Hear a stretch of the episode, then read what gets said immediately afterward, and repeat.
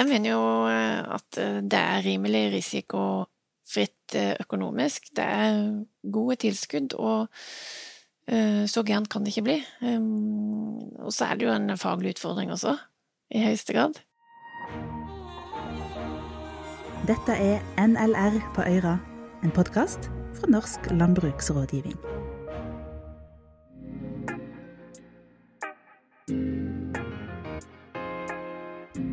Mangel på økologisk korn står i veien for produksjon av mer økologisk mat i Norge. Både økologisk kylling- og svineproduksjon etterspør mer økologisk korn, men år etter år så klarer ikke tilbudet å dekke etterspørselen.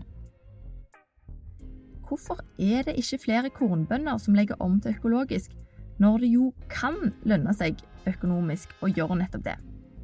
Sammen med rådgiverne Silja Valand og Anders Eggen skal NLR på Øyra ta for oss dette forunderlige, men stadig aktuelle problemet. Men først skal vi ta turen til Stange for å møte en som har lykkes med økologisk kornproduksjon.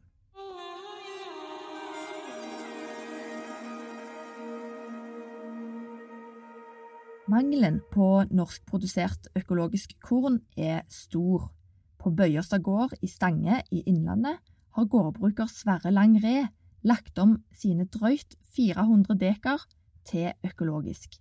Tolv års drift har gitt han verdifull erfaring som han villig deler med yrkesbrødre og søstre som vurderer å legge om sin produksjon.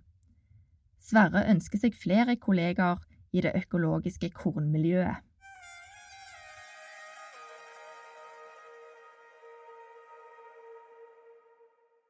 Du ser den Brage, den klistrer seg utover, altså. Det er uh, forbi stadiet at en egentlig kan kjøre noe ugrasarving her nå. Så er det jo dritbløtt, da, så må vi vente ei uke uansett. Vi går i den frodige byggeåkeren og den Sverre Langre. Han er økologisk kornprodusent på gården Bøverstad i Stange i Innlandet. Her ser vi på resultatet til våren, som Sverre beskriver som veldig god. Tørt som bare det. Hadde ei tomfor ut til en flekk med vann, ellers er det ikke et eneste bløthull. Det er jo unntaksvis vi hadde det i fjor òg, men ellers så er det helt suverent.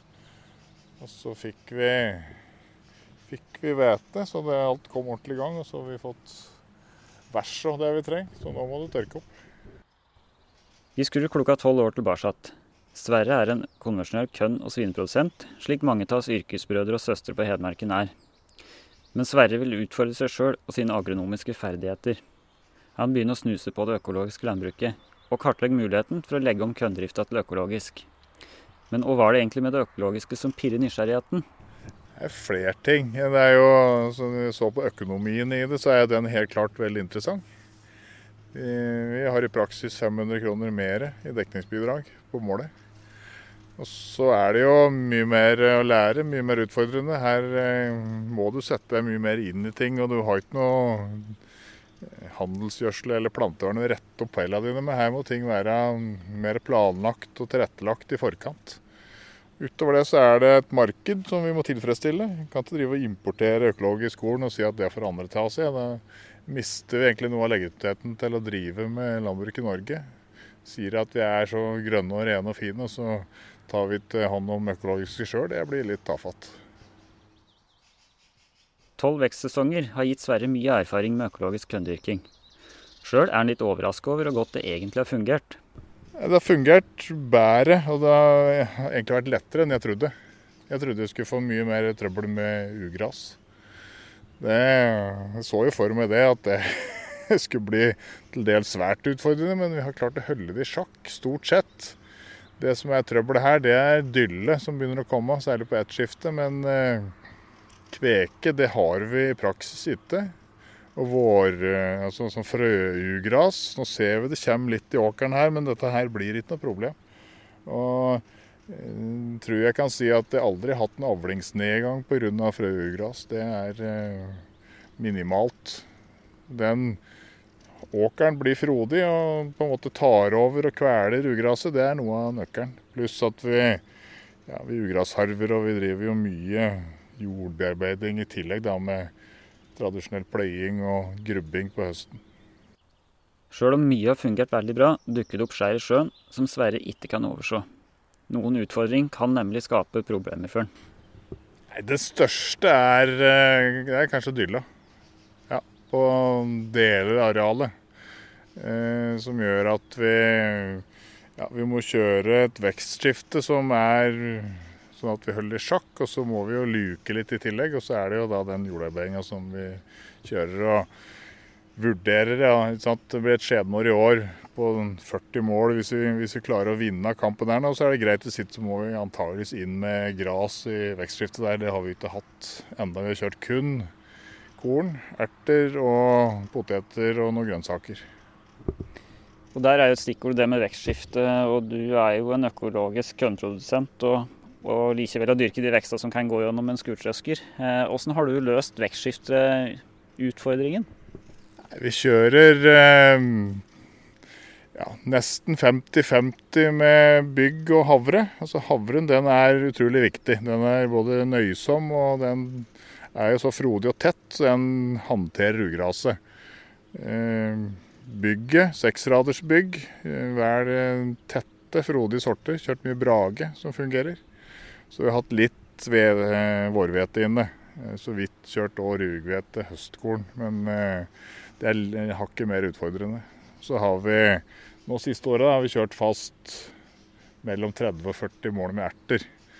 Grunnen til det er at det er akkurat så mye som vi får i en container. I tørke så har vi rett i containeren uten å dra det inn på tørka.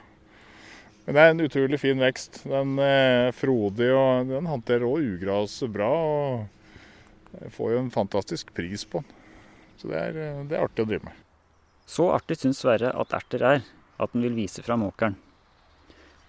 For å komme til skiftet som det dyrkes erter på i år, må vi krysse en bekk som renner gjennom eiendommen. Kan vi krysse bekken nedpå her. Ja, det kan vi gjerne gjøre. Balansere over. Vi balanserer på ei smal planke over den lille, men strie bekken. På den andre sida venter en jevn og fin erteåker. Dette er Ingrid. Den fungerer bra i den forstand at den står på beina. Vi hadde Faust et år for mange år siden. Den lå jo sånn klistre, helt flat. Um, Men det er veldig forskjell på året her òg, åssen det er å høste inn. Men vi har fått inn. Det var i ett år da ga vi opp. Og så tenkte jeg at dette her blir ikke noe av. Og så gikk det 14 dager, så var det tørt og fint. Og da bare støvet det da vi fikk det inn. Så det er der å finne på rette tidspunktet. Så det er en vekst du må prioritere når den er klar. Da må du, sjøl om du er redd for å miste matkvaliteten på hveta, så må du ta ertera når den er klar. For eh, ja, han legger seg og flater og er hakket, hakket mer utfordrende å få inn. Gjødsler du ertera nå? Gjør det. det er egentlig så er det ikke det som er rådet, for den er jo nitrogenfikserende. Men vi har på en mindre mengde, sånn mellom ett og to tonn med grisemekk. Det er jo Man trenger jo fosfor og kalium. Så min teori da er at da sikrer du det, og så får du i gang veksten tidlig. Ehm, for du ser jo her, erter er jo sådd aller først til alt arealet her, men det er jo det som ser ut til å komme kortest, for du er veldig sein å komme i gang. Veldig sein å dekke jorda. Og da får jo ugraset litt for mye fotfeste. Men jeg tror at hvis du da har eh, den gjødsla, så er det med som ei Det er feil å bruke uttrykket startgjødsling, men at du, du får i gang erter kanskje litt fortere. Det, sånn har vi gjort egentlig i alle åra. Kjører du noe spesielt tiltak mot uh, ugras i erter? Ugrasharve der f.eks.? Ugrasharver opptil tre, kanskje fire ganger hvis det er forhold til det. Her er det kjørt ei blindharving. Egentlig altfor tidlig, men det var det værmeldinga sa at vi skulle gjøre. For nå er det jo ikke mulig å komme utpå her på flere dager, men så fort det er tørt nok. Du må støve, ellers så gjør du bare ugagn. Eh, Så må da ugraset dra opp, det må ligge og tørke. Men her skal vi kjøre så fort det er mulig. Og så skal vi kjøre antageligvis en gang til òg. For du kan kjøre helt til ertera begynner å vikle seg sammen med disse her eh, som legger seg ut og kryper mot ham, og til slutt så binder de seg sammen. Da, er- da er det for sent. Men inntil det skjer, så kan du kjøre ertera. Tåler mye. Vi sporer oss tilbake til praten om vektskifte. Før vi krysser bekken, nevnte Sverre poteter i vektskiftet. Men han er da vel ikke potetprodusent? Nei, og det skal jeg sikkert ikke begynne med heller. Det er andre som driver med. Så det er, det er, de har vært med egentlig hele tida. Eh, og nå er det sønnene til de som eh, begynte, som har tatt over. De driver et eh, eget sånn DA-selskap hvor de har økologisk potet. De driver jo stort med potet ellers, konvensjonelt. De leier da jord hos meg mellom ja, 40-80 mål per år hvor de har poteter i en uh, runddans da, rundt på arealet. Så det fungerer fint. Så det kan jo være tips til andre som, som ikke vil begynne med spesialkulturer sjøl? Ja. For det er jo det er et marked der, og der er det folk som har utstyr og som kan det, som skal få lov til å drive med det. Først skal du begynne med grønnsaker i en viss størrelse, så må du ha så mye utstyr og kompetanse at det er ikke noe ja, Jeg skal i hvert fall ikke begynne med det. Men økologisk kønndyrking krever noe utstyr. Det er ikke til å komme fra. For Sverre har det vært et mål å holde mekaniseringa så enkel og samtidig funksjonell som mulig. Vi kjører gamle, godt brukte traktorer. Sterke firesylindere, sånn 100 pluss hester. Da drar vi lett en fireskjærsplog og Seks meters sårbeidsharv. Eh, eneste jeg har kjøpt nytt, det er kjøpt en ny plog. Plogen er et uh, veldig viktig verktøy. Der legger du mye av grunnlaget både for ugrashåndtering og at du òg kan gjøre ei enkel våran. Vi har satt bort slådden. Så lenge vi har ei god pløying, så kan du sette sårbarhetsharva rett i pløksla etter å ha kjørt ut møkk med slanger. Så det, det, har vi prioritert. Og så har vi kjøpt ny ugrasharv. Ellers så er egentlig alt godt brukt. Det er, mer, det er mye viktigere åssen du bruker det, enn at du har akkurat det siste og nyeste utstyret. I hvert fall til den bruken vi har. Og når vi ikke driver større. Det er klart, er du en entreprenør og driver noen tusen mål, så kan du forsvare disse nye, dyre maskinene, men vi, vi kan jo ikke det. Her må det fungere godt nok og ja, ikke koste altfor mye, for da da er det dyr hobby. Innhøsting, åssen gjør du det? Har du egen trøske? Nei. Og jeg er lykkelig at jeg ikke har det, for den lå vi mer under enn vi satt oppå den, den gamle vi hadde. Så det, jeg er så glad at nå leier en nabo som har eh, da råd til å investere. Han kjøpte seg ikke ny, men ny brukt i fjor, så han har jo en voldsom kapasitet på den. Så da kjører han hos meg og hos seg, og nå har han fått litt mer areal, så nå kjører det vel Ja, det kan hende han kommer opp i en sånn ja, 1200-1400 mål, kanskje. Så da er det passe. Og antakeligvis billigere for meg å leie han enn å sitte og eie noe gammelt sjøl. Sjøl mekanisering i seg sjøl holdes på et enkelt nivå, er det én faktor som er helt vesentlig å ha på plass for å kunne dyrke økologisk korn. Du må ha egen kornhåndtering, så ha egen korntørkelager. For eh, nå er det jo dessverre kun én aktør som helt tatt kjøper økologisk korn. Det er jo stusslig. Det er bare Felleskjøpet som har tatt det ansvaret. Eh, og de ønsker jo ikke av forståelige grunner å ha mange mulige økosorter inn i kornstrømmen i høysesong, for det er jo ikke kapasitet til. Det vil jo ikke være det systemet nå. Så vi må ta, ta inn og tørke og lagre det aller, aller meste av kornet sjøl. Du kan kanskje få levert noe bygg i sesong, men resten må basere seg på lagre etter høysesong. og Da trenger du den linja sjøl. Hvordan har du løst det her på, på din gard? Eh, vi har korntørke, satstørke med varmluft fra ja, tidlig midt på 80-tallet. Vi kan lagre alt vi produserer, og det er jo det tar lang tid å tørke alt da, hvis det er et skikkelig bløtt år. Men eh, vi har, så vi har kapasitet til å håndtere det vi produserer sjøl. Noen planer for investering på den fronten? Jeg har fått noen til å tegne en sånn amerikasilo, så vi kan få litt enklere håndtering. For det er særlig tømminga, eh, og særlig havre, som er så lett. Dette er sånn luftbasert, og det tar altfor lang tid og det er for mye støv. og HMS-en er elendig på håndteringen, så det kan hende vi i løpet av ett eller to eller tre år har en sånn amerikasilo hvor vi kan ha haverne oppi.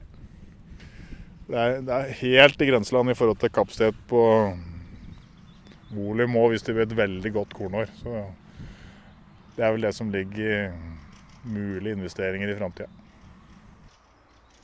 For Sverre har det vært en bevisst strategi å legge om til økologisk, og på den måten utnytte potensialet som ligger i garden. En strategi han så langt er veldig fornøyd med. Eh, jeg tror jeg får et bedre regnestykke med den strategien som jeg har, med lagt om til økologisk, enn å leie to-tre naboer og drive veldig stort og måtte ha ja, oppgraderte maskinparker og betale dyrt til leie. Så tror jeg nettoen min er minst like god på, på den måten her. Uten at det er så mye mer jobb, faktisk. Og om du nå sitter på gjerdet og lurer på om økologisk korndyrking er noe å satse på, kan Sverre sterkt anbefale det for de som har de rette forutsetningene til stess. Ja, Når vi ikke hopper av gjerdet, så må de i hvert fall gjøre noen vurderinger som er realistiske, om det er noe som kan være interessant for dem.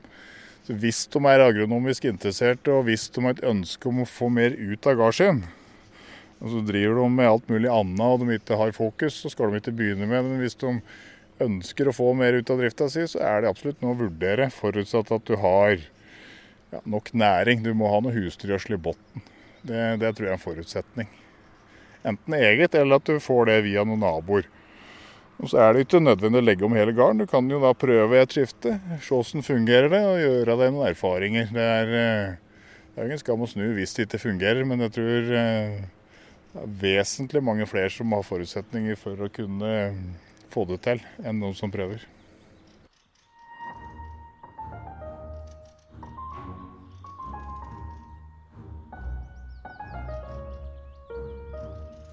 Sverre Lang Re kan altså fortelle om gode erfaringer med økologisk korndyrking, og mener at flere svineprodusenter i hans område, som har riktig balanse mellom jord og gjødsel, med fordel kunne ha prøvd seg som økobønder. Reporter her var Morten Berntsen Livenengen, og nå skal du få høre intervjuet som eh, Morten har gjort med NLR-rådgiverne Silja Valand og Anders Eggen.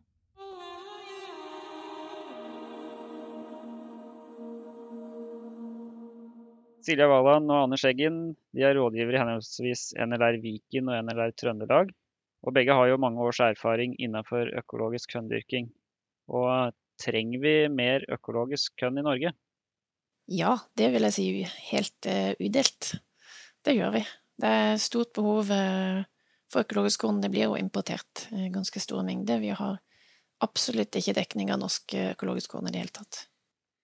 Vi ser jo at det er etterspørsel etter økologiske varer, økologiske varer hos forbrukerne. og Da skulle vi absolutt ha fått produsert mer av innsatsfaktorene her i Norge òg, egentlig. Altså i tilfelle her da, økologisk korn.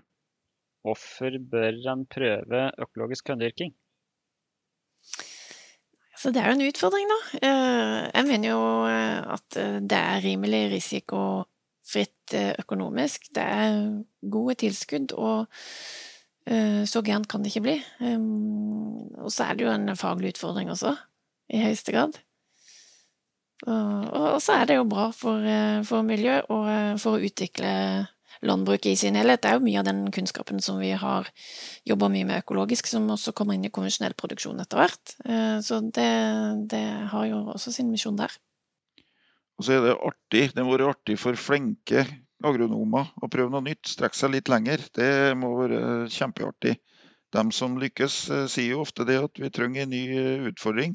Vi har fått det her, og det er kjempeartig. Så det vil jeg absolutt eh, oppfordre til. Altså, I tillegg til at en får en rimelig god økonomisk situasjon av det. Og så er det faglig inspirerende. Du får kanskje en litt ny giv òg, hvis du kan det du driver på med veldig godt. og og vi ser jo at marked og etterspørsel blant en del grupper er voksende for, for økologi som sådan. Så det må være en kjempeutfordring og kjempeartig for, for de flinke agronomene. Ja, bare, bare, dette med at uh, vi bør jo produsere det vi trenger i Norge selv. Nå er det jo en stor import av utenlandsk uh, økologisk korn.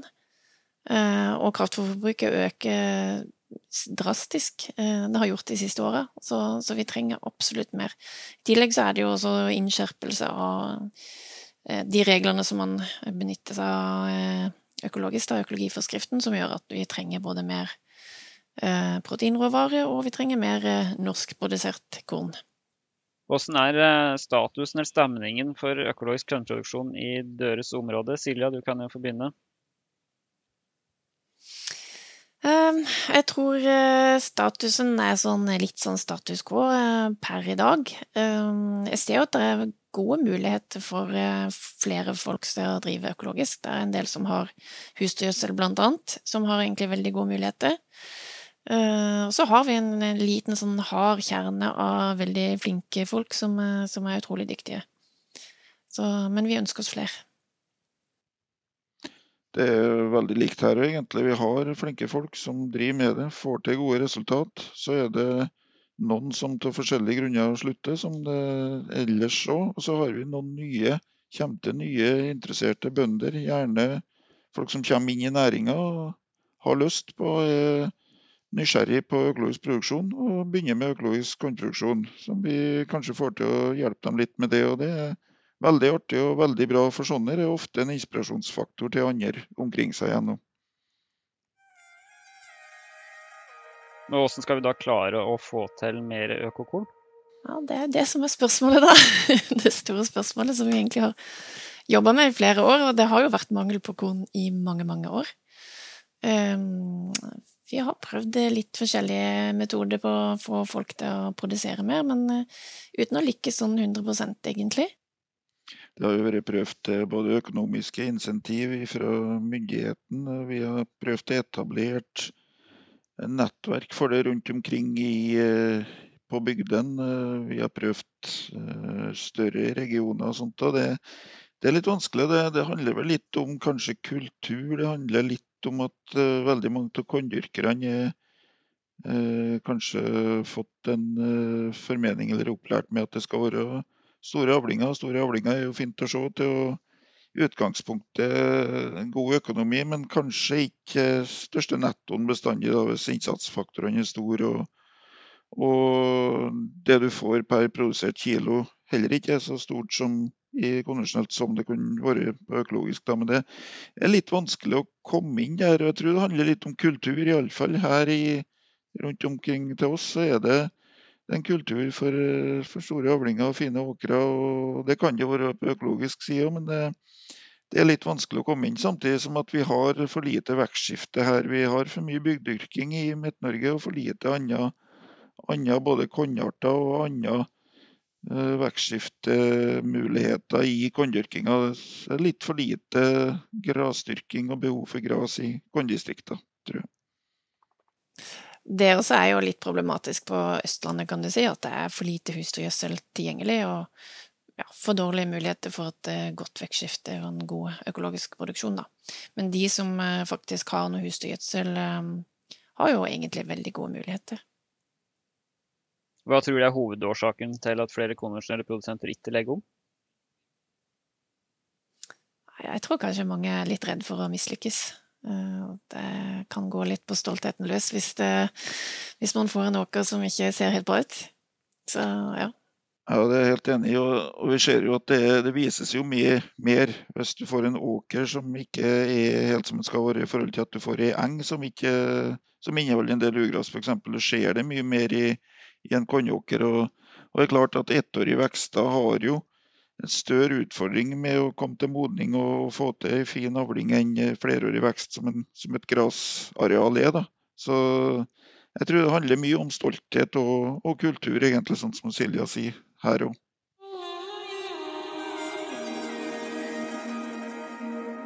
Hva er det som er hovedutfordringen i økologisk grønndyrking? Ja, nei, det er jo egentlig tre ting. Altså, det ene er jo passe på å få inn plantene nok næringsstoffer. Eh, og det som man trenger til enhver tid i sesongen. Men det aller viktigste hovedutfordringa da er ugress for folk flest. Frøugress eh, til dels, men kanskje hovedsakelig rotugress. Og så er det jo dette med å få jorda til å fungere. Det er liksom jorda som blir det viktigste ressursgrunnlaget ditt når du driver økologisk, og den må fungere både biologisk og kjemisk, skulle jeg si. Så du må få en jord med god struktur og god, godt liv, at det er mikroorganismer der som løser ut næringsstoffet til deg i løpet av sesongen. Ja, akkurat det samme her. Eh, det å få opptak av næring i kornåkeren eh, til nok Vi har ofte litt forsommertørke, og da tror jeg kanskje at vi har problemer med å få løst ut næring fra husdyrgjødsla òg. Og I tillegg så er det det med kanskje litt lite vekstskifte. og men den her kulturen, altså det med å, det med å tørre å prøve noe annet Jeg tror kanskje vi, mange av korndyrkerne er litt forsiktige her. og at det er litt, det er litt vanskelig kanskje i mange kulturer å, å tørre å prøve noe annet. Så jeg tror det er kanskje størst utfordring av ugras og, og næringstilførsel, egentlig. Men særlig frøgras når det blir tørt om våren, og så kommer det litt regn, og så sturer kornet, og så kommer det mye frøgras, egentlig. Jeg tror det er en utfordring. Det føler en jo på sjøl egentlig, den som dyrker økokorn, så, så jeg skjønner den. Vi har jo, eh, vi har hatt eh, noen produsenter som på en måte har tatt litt som en utfordring, da. Altså de tenker at eh, ah, han har holdt på i 20 år med det samme år ut og år inn, det er konvensjonelt, og liksom, det blir liksom litt kjedelig etter hvert. Så tar det som en utfordring å legge om til økologisk, og de har jo fått det til superbra, mange av de. Så det, det syns jeg er veldig artig når folk tar det på den, på den måten der. Tar det som en utfordring. Silje, hva er det som kjennetegner de som får det til sånn som du beskriver der? De som lykkes? Nei, jeg tror nok, tror nok eh, det viktigste er nok at de er gode agronomer ifra før. De, de klarer å, å, tenke god agronomi, og de klarer å se på plantene og hva de trenger til enhver tid, og sånne ting. Så, de, så det er nok flinke folk i utgangspunktet. Det, det tror jeg. Det henger meg på litt av absolutt flinke folk som som prioriterer tid til å gjøre ting til rett tid. Som har mulighet til å prioritere tid til å gjøre ting til rett tid. Og Det er veldig artig. Vi har hatt en del markedsdager til Sonner. og da det er en på en måte et Sonner fyrtårn å bruke dem eh, for å invitere konvensjonelle og andre òg, egentlig, for å få en positiv eh, opplevelse av det. det. Er veldig bra. Og Sonner er jo kjempeartig å jobbe med. Absolutt. Mm. Den, eh, den tidsfast faktoren, faktoren, som du sier der, også andre steder, er jo også kjempeviktig. føler jeg at det er veldig mange av de som er heltidsprodusenter, som er på gården til enhver tid, de lykkes ofte veldig, veldig bra. Det er jo litt fordi at eh, den tidsfaktoren er ofte veldig viktig, spesielt i forhold til det med ugressbekjempelse og sånn. Og da må du være der til den tida hvor, eh, hvor forholdene ligger til rette for en god effekt. Um, mm. ja, så da, da er tida viktig. Og Utfordringa i kornproduksjonen generelt er jo at det ofte blir mer og mer, iallfall her over i Trøndelag, at det blir mer og mer deltids- og kanskje overtidsproduksjon. og Større areal og kanskje skal gjøres på, på samme tida utover en vanlig jobb. og Da er det vanskelig å treffe tiltakene til rett tid. og, eh, og sånn egentlig. Så det, det er litt utfordringer der òg, tror jeg egentlig. Men jeg er helt enig med Silja. De som driver heltids, kanskje andre produksjoner i tillegg, og spesielt hvis de har muligheten til å ha litt gras i eget vekstskifte, da, da, ligger det veldig godt an. Og det kan hende det er sånn vi skal prøve å gå mer på for å få til mer økokorn òg, muligens.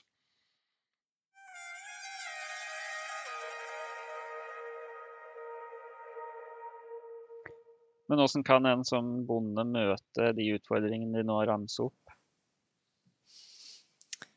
Ja. um, nei, det er jo veldig mange tiltak uh, for uh, å gjøre noe med alle disse utfordringene. Um, men jeg tenker jo at uh, man må starte med å, å tenke god agronomi i bånn, og kanskje tenke også mye på jorda si. At man tar hensyn til den til enhver tid. Da kommer du rimelig langt. Og så er det dette med å ha et godt vekstskifte også, som det løser veldig mange problemer. Ja, det er helt enig til. Verktøykassen er kanskje litt mindre. Han må være veldig klar på at eh, tradisjonelle agronomiske tiltakene som drenering, pH og sånt er i god stand. Jorda i god hevd. Og, og han ligger i forkant med både planlegging og, og har tid og tar seg tid til å gjøre tiltakene til rett tid. Det tror jeg kanskje er det viktigste. Og Det er ikke verken skummelt eller så vanskelig, men det handler, handler veldig mye om planlegging og, og muligheter til å ta seg tid til, til rett tid.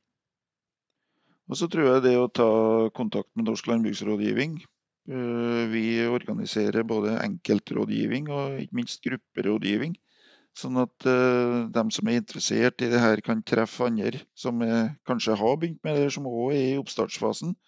For det å være flere om det, du føler en, en samhørighet, det er veldig, veldig viktig i alle sammenhenger, også i landbruket. Kanskje spesielt hvis det butter litt mot. Du skal til med ny produksjon, du er litt usikker og syns at det kanskje ikke ser så veldig bra ut. Så det å ha litt eh, gruppeterapi i form av grupperådgivning Norsk landbruksrådgivning f.eks. kan være en, en, brukbar løsning. Så ta kontakt med de lokale enheten Norsk landbruksrådgivning. Mm. Ja, har, Her i Viken så har vi en sånn økologisk dyrkingsgruppe som samles omtrent hver 14. dag i sesongen. Og det er jo superbra. De kan lære litt av hverandre, så kan jeg ta med meg litt eh, kunnskap, og så, så blir det veldig bra eh, i sammen, altså. Så, og også i forhold til dette med å se litt på vekstskifte, kanskje man skal bytte noe areale og sånne ting. Det også har vi sett at det er veldig positivt hvis man eh, klarer å samle produsenter med litt ulik produksjon, så man kan bytte areal innimellom.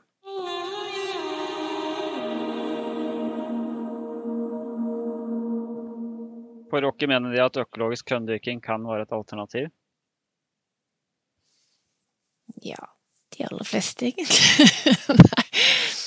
Uh, spesielt de som har mye husdyrgjødsel.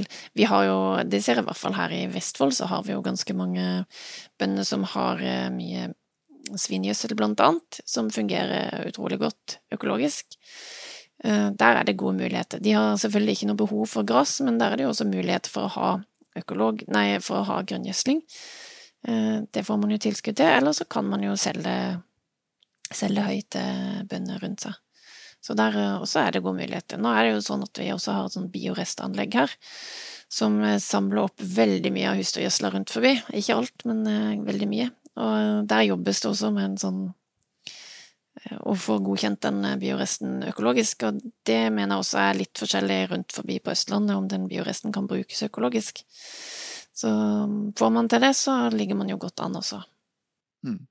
Og interessen for agronomi, interessen for å kanskje prøve noe nytt, eh, for å se på mulighetene. Eh, vi formidler jo litt eh, spørsmål omkring gras og kjøp av gras og sånt. Det kan jo være noen som Det er jo noe økologiske melkeprodusenter f.eks. her i Trøndelag som har behov for mer gras. og Da er det jo utmerket for en som spekulerer på å begynne med økologisk kornproduksjon, å få en avtale der. Så vi, vi har noen langsiktige avtaler som vi kan støtte oss på, som vi kan formidle til flere. Og Likeens det med næringstilførsel. Eh, det går det an å løse med annen gjødsel enn den naturgjødsela som er lokalt. og Det går an å, å bruke pelletert gjødsel f.eks. som en bruker som som mineralgjødsel i en spreder f.eks. Så, så det er løsbart. Det, det, er interesse og vilje. Det tror jeg er det viktigste å se på en, for en, en, som ønsker å begynne med økologisk konstruksjon. Og det, så det er for de fleste. Det er bare en tar seg tid til det og har, har lyst til å holde på med det. Så er det jo noen få ting som kanskje må, eller som er lurt å ha på plass, da. Um, vi hørte jo Sverre i innslaget før her nevne dette med tørke- og lagringskapasitet, det kan jo være et problem for noen. Ehm, enkelte steder så har jo Felleskjøpet eh, mottak av korn året rundt, men ehm, det er ikke alle det er aktuelt for. Så veldig ofte så, veldig ofte så er det lurt å ha tilgang på tørke- og lagringskapasitet.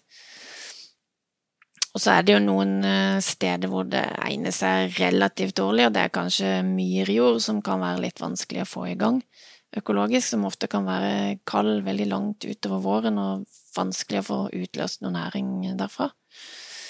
Og så er det også områder som er veldig dårlig drenert, eller eh, mye vassjukt. Det også fungerer veldig dårlig. Men, men utover det så syns jeg ofte at man har gode muligheter. Ja, helt enig. og Likeens hvis du skal til med noen andre åkerproduksjoner, som f.eks. erter, kanskje, så kan det være greit å ha mulighet for et eget uh, tørkeanlegg eller tørkelagring i kortere eller lengre tid. For det er jo ikke gitt at uh, mottaksapparatet står klart til å ta imot uh, uh, f.eks. økologiske erter, valstan og sånt. Men det er en, en, veldig fin produksjon. Veldig fint som et innslag i det økologiske vekstskiftet for mange mange av oss som driver med korn, så kan det være aktuelt. Hva er det de tenker kan motivere flere til å vurdere økologisk? Det er jo det med å se at andre klarer det veldig bra. Eh, og selvfølgelig at det skal være økonomi i den produksjonen, og det er det jo i høyeste grad, syns jeg. Um, så å se at andre lykkes, er jo en god motivator. Mm. Bruk de flinke folka, bruk de flinke dyrkerne. Arranger markdager der og vis fram en produksjon som er både god agronomisk og økonomisk. Det er en, en fin motivasjon, tror jeg, for å, for å få folk til å fortsette med det, og få folk til å begynne med økologisk kornproduksjon.